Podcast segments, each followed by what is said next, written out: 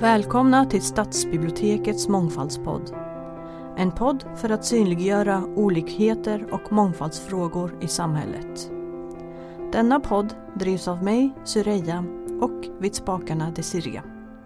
I samarbete med bibliotekets digitala kreativa verkstad.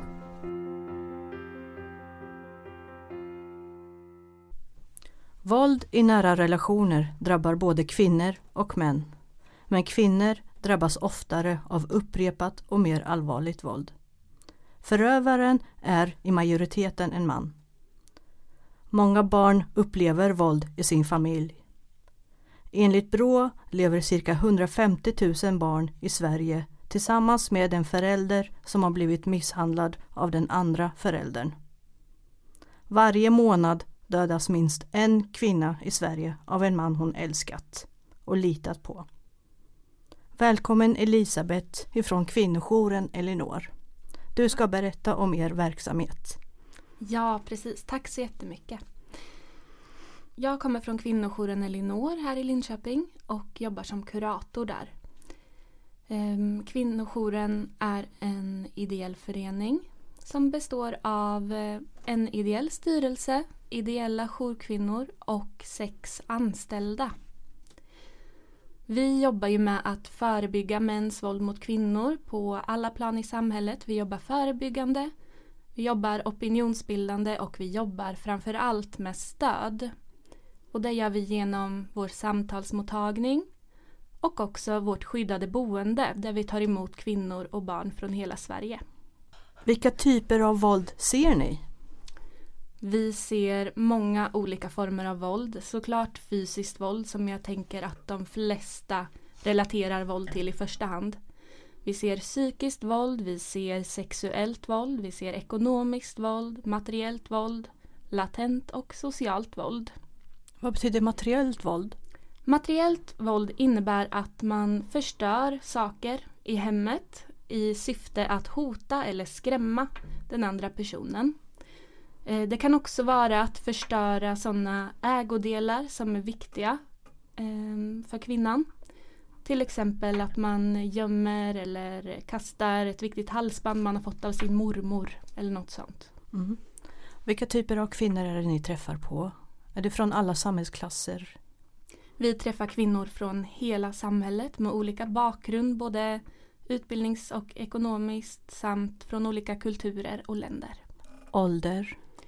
Åldrarna. Vi träffar kvinnor från 18 år och upp till 80, 85 tror jag mm. den äldsta var. Mm. Många pratar om allting var så mycket bättre förr. Men när ni träffar kvinnor som är i den åldern då har de varit utsatta för våld i ganska många år. Absolut, det var inte så att det var bättre förr utan det fanns en ännu större tystnadskultur kring våld i hemmet. Och de här kvinnorna som är 65 plus 70 som vi träffar, de har varit utsatta för det här under oftast hela sitt äktenskap upp mot 30-35 år. Går våldet i arv? Våldet kan gå i arv men det är ingenting som säger att det måste göra det. Um, flickor som växer upp i ett hem där mamma blir misshandlad riskerar att själva bli utsatta i vuxen ålder i högre grad. Det finns en del studier som tyder på att pojkar som växer upp där pappa misshandlar mamma löper större risk att själv utsätta en framtida partner. Men våldet förekommer i samkönade eh, relationer också? Ehm, den största andelen av de som är våldsutövare, precis som du sa här i inledningen, är ju män. Alltså män misshandlar kvinnor, män misshandlar män. Men det förekommer ju självklart också i lesbiska parrelationer. Men vad är det svåraste med ditt jobb? För jag tänker att det är inte 8 till 5 jobb som man kan lägga på hyllan när man kommer hem. Ehm, hur känns det när du kommer hem? Jag jobbar ju 8 till 5 så det är ju absolut ett problem emellanåt. Det är svårt att släppa vissa människor, vissa berättelser. Ehm, det är någonting som rör sig i tankarna och det är också ett intresse. Jag började jobba med det här ideellt och nu är det mitt yrke. Men du sa det, vi pratade om äldre kvinnor som har blivit utsatta för våld. Grannarna visste kanske om det oftast. Eller någon annan visste om det. Men tystnadskulturen var väldigt stor. Upplever du att, eller de kvinnor som kommer till er, att tystnadskulturen fortfarande är stor? Ja, det är den. den flest, de flesta som kommer till oss har aldrig berättat för någon eller första gången de ringer oss är det första gången de säger de här orden högt. Hur många år har det gått då? Det är väldigt olika och jag tänker att det beror på vad man har för skyddsnät omkring sig. Alltså har man vänner som man litar på, har man ett jobb där man liksom får andra referenspunkter att relatera till. Men oftast så kan det ju också vara väldigt starka kvinnor, väldigt välutbildade så man tänker att det borde vara väldigt enkelt att du har den här ekonomiska resursen, varför går du inte bara? Ekonomiska resurser hjälper ju självklart typ att hitta ett nytt boende men det hjälper ju inte för de psykologiska effekter som våldet har på en. De är normaliserade i våldet och det finns ofta väldigt mycket att förlora på att lämna relationen. Våldet har ju både kortsiktiga och långsiktiga konsekvenser. Det kan vara så att man har gemensamma barn till exempel. Eh, vilket är en försvårande omständighet. Då kan det bli en väldigt tuff och krävande vårdnadsprocess. Det får också konsekvenser i eh, att man kanske måste flytta. Är det grovt våld det handlar om så kan man tvingas byta stad, leva ett liv som gömd. Och då ingår barnen i det här? Barnen ingår i allra högsta grad i det här. Barnen drabbas väldigt hårt. Eh, barn som ser våld mellan sina föräldrar utsätts på det sättet för psykiskt våld. Det finns flera studier som tyder på att det är värre för barn att se sin mamma bli misshandlad av sin pappa än att själva utsättas för direkt fysiskt våld. Men du sa att kvinnan måste oftast flytta om det är väldigt grovt våld och sen så måste hon leva under skyddad, skyddad identitet. Vilket innebär att man rycker ur barnet ifrån dess trygga tillvaro och flyttar till en annan stad. Och hur förklarar man sånt för ett, ett barn? Vi förespråkar ju att mamman ska vara så ärlig som möjligt med barnet utan att gå in på liksom för grova detaljer men att vara öppen med barnen kommer att hjälpa dem på lång sikt. Det kommer hjälpa dem att förstå det här som tonåringar och sen vuxna. Det drabbar ju barnen så mycket. De tvingas ju lämna vänner, skola, förskola, allting runt omkring sig i de flesta fall. Barnen är också väldigt utsatta på det sättet att eh, de bär på en sorg, på en ängslan som de kanske inte vågar prata med någon. Och, och om de vågar, vad ser, har ni något samarbete med skolan och vad har skolan för ansvar i detta? Skolan har ju ett ansvar att fånga upp och uppmärksamma barn som inte mår bra. Och de har ju framförallt ett ansvar att eh, orosanmäla till socialtjänsten om de misstänker någon annan form av förtryck eller att barnen inte blir väl omhändertagna liksom hemma. Men eh, mammorna kommer till er med barnen. Hur hjälper ni barnen? Vi hjälper barnen genom att eh, prata med dem, genom att eh, vår högsta prioritet är att de ska få fortsätta ett så normalt liv som möjligt. Vi börjar alltid med att kontakta kommunen så att de ska få skola, förskola. Det är det viktigaste i början. Vi erbjuder också mammorna eh, att vi kan ha särskilda barnsamtal som kallas trappansamtal. Det är en speciell modell utvecklad för barn som har upplevt våld i hemmet. Men vad kan jag som granne göra om jag exempelvis hör eh, grannen? Jag tycker att det viktigaste man kan göra är att eh, hör man en pågående våldssituation då ska man alltid ringa polisen. Eh, hellre en gång för mycket än en gång för lite. Får man tillfälle att man träffar någon som man misstänker är utsatt för våld, till exempel i tvättstugan eller utanför huset, prata med den personen. Även om hon nekar eller säger att det inte stämmer så har du i alla fall lyft frågan och hon är ett steg närmare att våga berätta för någon. Vid nästa tillfälle som ges exempelvis? Precis, de mm. allra flesta berättar ju inte första gången de får den här frågan. Det är ju lite i, i Sverige att eh, jag ska inte lägga mig i jag ska inte sätta mig bredvid någon på bussen som inte jag känner. Men eh, det är ju också ett sätt att förhindra att en kvinna eventuellt mister sitt liv om man lägger sig i en gång för mycket än en gång för lite. Borde vi bli bättre på det? Absolut, jag tycker att vi överlag borde bli bättre på att bry oss om varandra, vara bättre medmänniskor. Och det här är ju ett sätt att vara det på.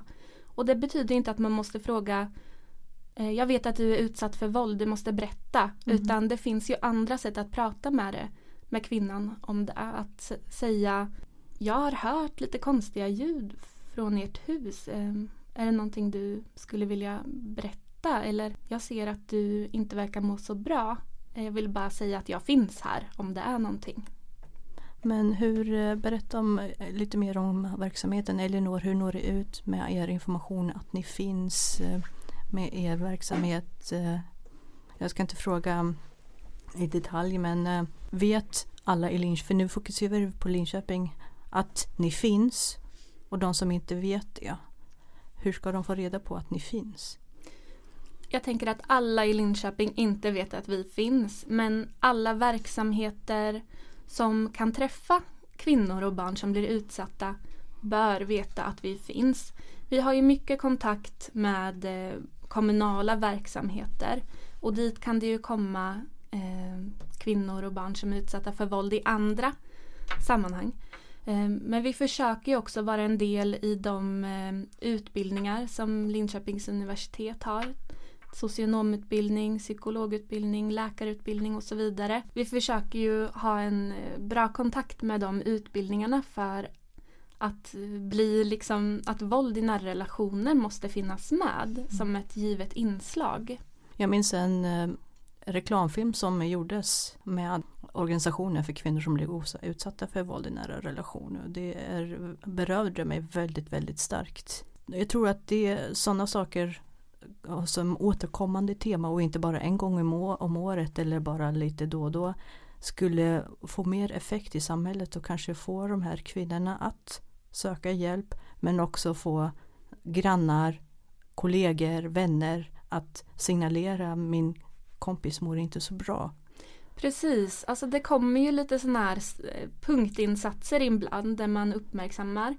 Ehm, men jag tror att generellt i samhället och i Linköpings kommun att vi måste bli bättre på att lyfta det som är obekvämt, alltså inte försköna sanningen. Man tänker, ja men ingen vill höra det här, att man liksom stänger av och att man blir illa berörd. Men det är ju det som är poängen. Vi måste bli medvetna om det och det kan man göra genom att visa sånt som får människor att känna saker. I bibliotekets uppdrag så ingår ju det här demokratiska uppdraget att också prata om saker som inte alltid är bekväma. Och här ingår i Mångfaldspodden att beröra ämnen. Om en månad så uppmärksammar vi våld, mäns våld mot kvinnor. Ungefär om en månad. Vad, har, ni, har ni planerat någonting för den dagen? Ja, 25 november är det ju internationella dagen mot våld mot kvinnor. Eh, det vi har planerat i år är att eh, släppa en egen podd eh, som handlar om våld mot kvinnor fast ur barnens perspektiv. Vi tycker att det är ett ämne som det generellt behövs mer kunskap och förståelse kring. Tidigare år har vi ju haft manifestationer och sånt men i år så är det ju inte riktigt det läget vi är i. Barnkonventionen har blivit lag i Sverige. Följer vi den i Sverige? Ett kort svar är väl nej på den frågan. Ehm, jag tycker inte att staten, kommunerna eh, följer den. En av artiklarna är ju att barn ska befrias ifrån våld, att inte utsättas varken fysiskt eller psykiskt eller mentalt också för det här våldet. Och vi har väldigt lång väg att kvar att gå så, så som du säger. Ja, absolut. Alltså jag tänker det som kommer upp först för mig är ju att eh, det inte finns några lagar kring Eh, det jag först kommer att tänka på är ju att det inte är olagligt att utsätta sitt barn för psykiskt våld och då menar jag i den formen att man misshandlar barnets andra förälder. Det borde finnas lagstiftning kring det tycker jag. Det borde också finnas tydligare ramar för hur, hur vi ska skydda barn som tvingas lämna sina hem och bo skyddat med sin ena förälder. Barnet har ju inte orsakat det här att flytta till en annan stad, bo under skyddad identitet, börja med nya kompisar, det här trygga tillvaron. Det är en psykisk misshandel och många är ju väldigt arga för att förövaren behöver inte flytta på sig. Förövaren behöver inte börja om på nytt. Förövaren kan bo kvar där och oftast så är ju straffet kanske inte den som man skulle vilja att den var. Nej, utan konsekvenserna är ju istället den som är utsatt och barnen som är utsatta. Det är de som får ta konsekvenserna för vad förövaren har gjort. I många fall så är det ju så att förövaren kan fortsätta sitt vanliga liv som möjligt. Kanske hitta på en egen historia om varför eh, frun och barnen har lämnat. Och det har ju också att göra med att det är så få som vågar anmäla. Skulle fler våga anmäla så kanske man skulle se en liten skillnad i det. Men för att fler ska våga anmäla tror jag också att lagstiftningen behöver förändras eller uppdateras på vissa punkter. Ser ni våldet gå ner i åldrarna? Ja, vi ser eh, trend i att det går ner i åldrarna. Eh, vi har ju också en tjejjour i vår organisation dit det är många unga tjejer och då pratar jag 12, 13, 14 års åldern som hör av sig och berättar att de eh, blir utsatta för våld av sin partner.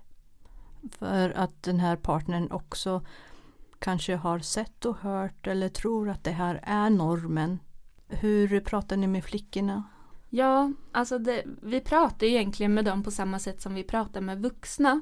Eh, vi pratar om eh, normaliseringsprocessen i våldet. Vi pratar om att ansvaret inte ligger på dem utan att det är den förövaren som måste ändra sitt beteende. Eh, vi tänker att det är såklart extra viktigt att fånga upp och lyfta bort skuld och skam från de här unga tjejerna. För det kan ju vara så att flickan träffar en pojke och de är jättekära, de vill umgås väldigt mycket.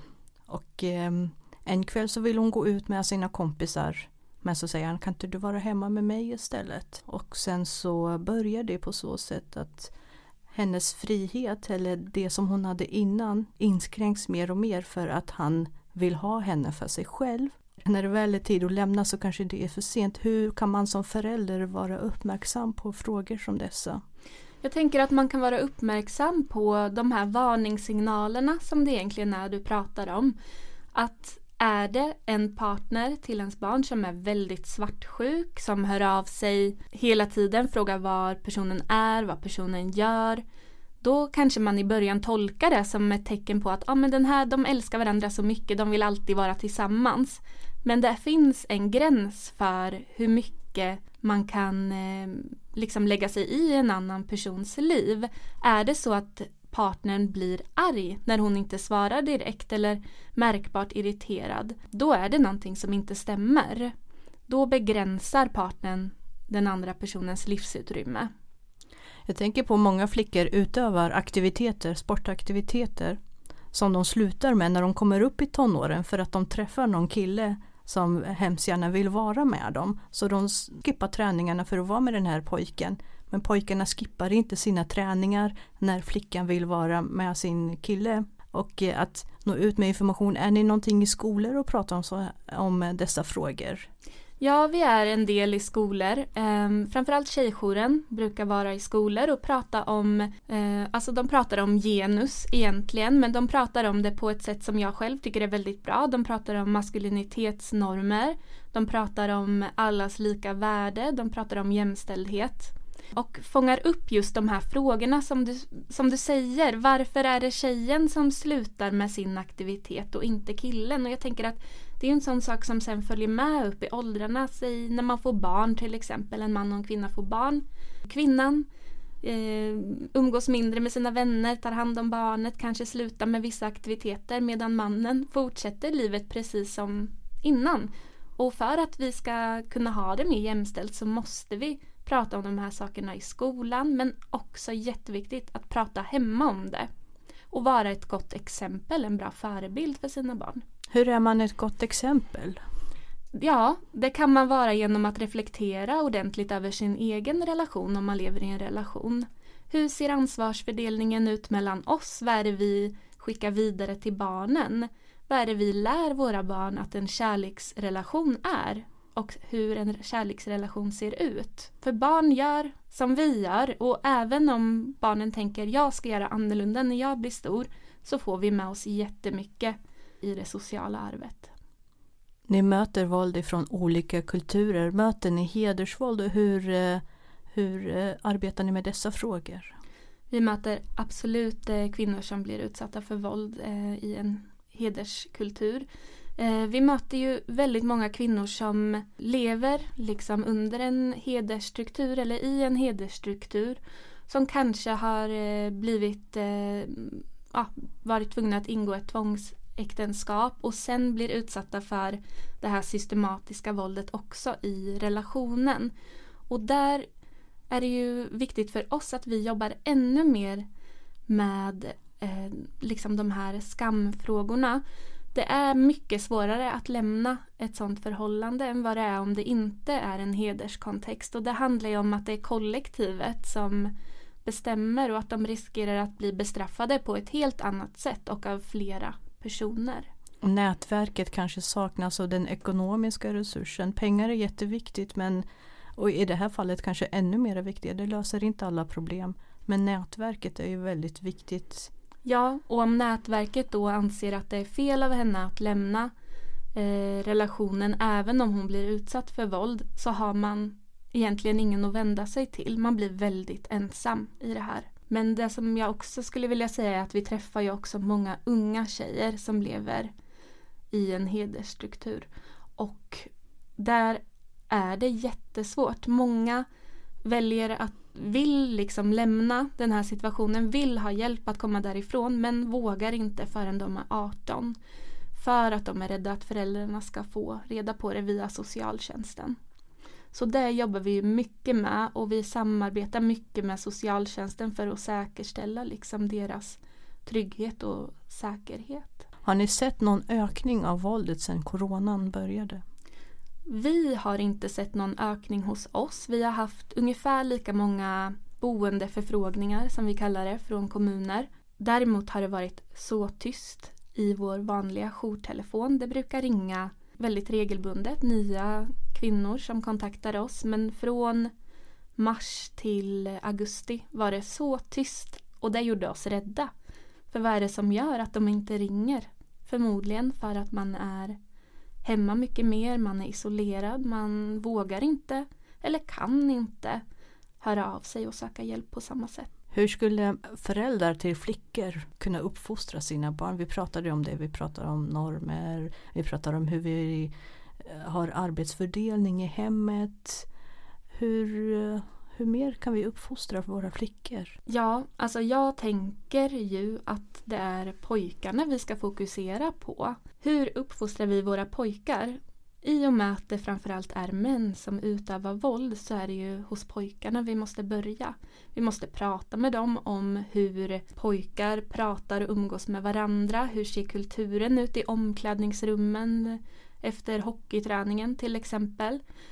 Vi måste prata om att tjejer och killar är lika mycket värda. Att alla har rätt att vara och tycka om precis vad de vill. Och vi kan inte bara heller prata om det med våra barn utan vi måste också visa det som jag nämnde tidigare. Det räcker inte att säga alla är lika värda. Du ska inte liksom behandla flickor och pojkar olika. Utan det gäller också att vi behandlar flickor, pojkar och män, kvinnor lika. Annars kommer de ta efter det ändå. Är vi bra i Sverige på jämställdhet? Vi är ett av världens mest jämställda länder.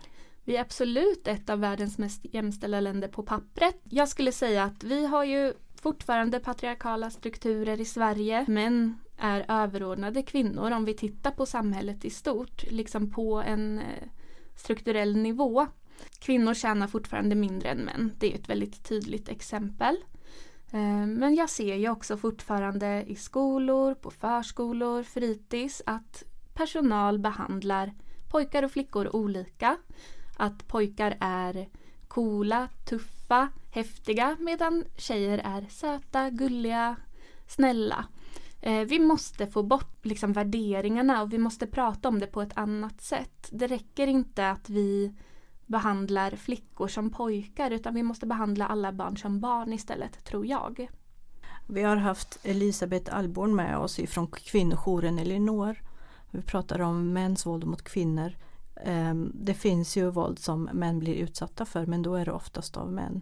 Det är svåra ämnen men även svåra ämnen måste diskuteras och uppmärksammas och endast då kan vi nå en förändring. Elisabeth, några sista ord innan vi avslutar vår podd? Ja, um, Jag tänker att det är jätteviktigt att vi vågar se det här, vågar se hur verkligheten ser ut. Våga förstå hur farligt det här är och våga förstå hur mycket det faktiskt påverkar kvinnor och barns liv. Våga fråga det, våga fråga andra, våga uppmärksamma det, ta upp det på jobbet, ta upp det i skolan. Ja. Tusen tack. Tack.